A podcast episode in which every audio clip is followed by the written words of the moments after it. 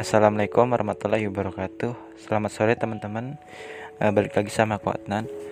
Sorry ya kemarin sore tuh Sempet gagal upload karena koneksi aku yang buruk. Mungkin sekarang udah membaik. Aku mau cerita tentang pengalamanku TS hari pertama. Cukup lancar bisa dibilang. Alhamdulillah semoga hasilnya sesuai apa yang aku harapkan. Aku baru belajar semalam jam setengah sepuluh habis rapat ya dengan organisasi itu selama lima jam aku meringkas.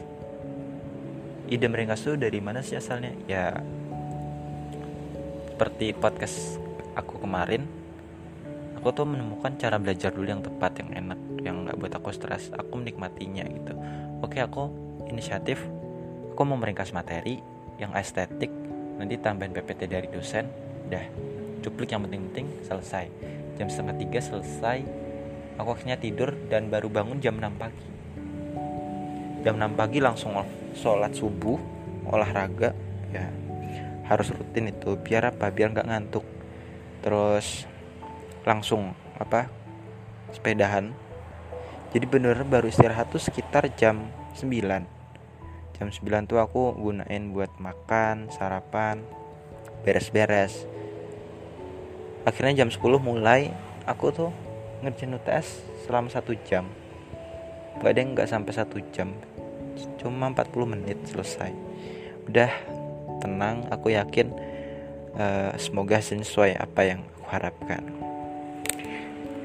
Jadi teman-teman kalau kita melakukan sesuatu itu jangan bukan nggak serius tapi nggak santai juga. Serius cuman harus tahu batasnya. Ketika kamu tahu kamu stres udah berhenti sejenak. Lakukan apa yang disuka. Kalau aku ketika stres belajar ya udah aku istirahat bentar dengerin musik lah atau nonton YouTube atau ngapain yang penting kitanya seneng. Aku akhir-akhir itu uh, sering banget tidur siang. Ya meskipun kalau diakumulasi total jam tidurnya tetap 6 sampai 8 jam. Bagiku, tidur yang cukup itu mempengaruhi produktivitas. Makin optimal tidur kita, bukan semakin banyak ya. Makin optimal tidur kita yaitu 6 sampai 8 jam, maka semakin produktif, produktif juga kita. Apalagi kalau kita punya list habit. Aku punya tulis habit ada 20-an. Itu satu-satu kita nggak akan merasa terbebani. Justru kayak enak aja gitu tinggal centang centang apalagi kalau kalian punya to do list rasanya udah selesai centang garis-garisin aja coret-coret tuh gampang banget seneng rasanya.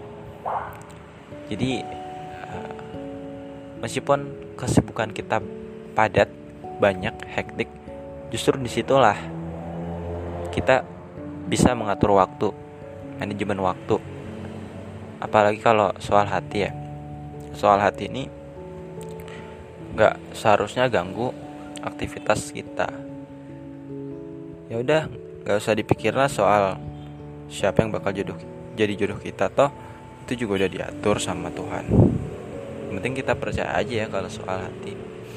Balik lagi ke UTS tadi rasanya beda banget gitu dibanding UTS-UTS sebelumnya. Aku merasa aku optimal dan terbaik untuk diriku ya dalam mutasi ini sepanjang hidupku. Karena apa? Aku mempersiapkan dengan dengan matang bisa berbagi materi dengan teman-teman sebelumnya. Oke sampai ketemu di podcast berikutnya. Wassalamualaikum warahmatullahi wabarakatuh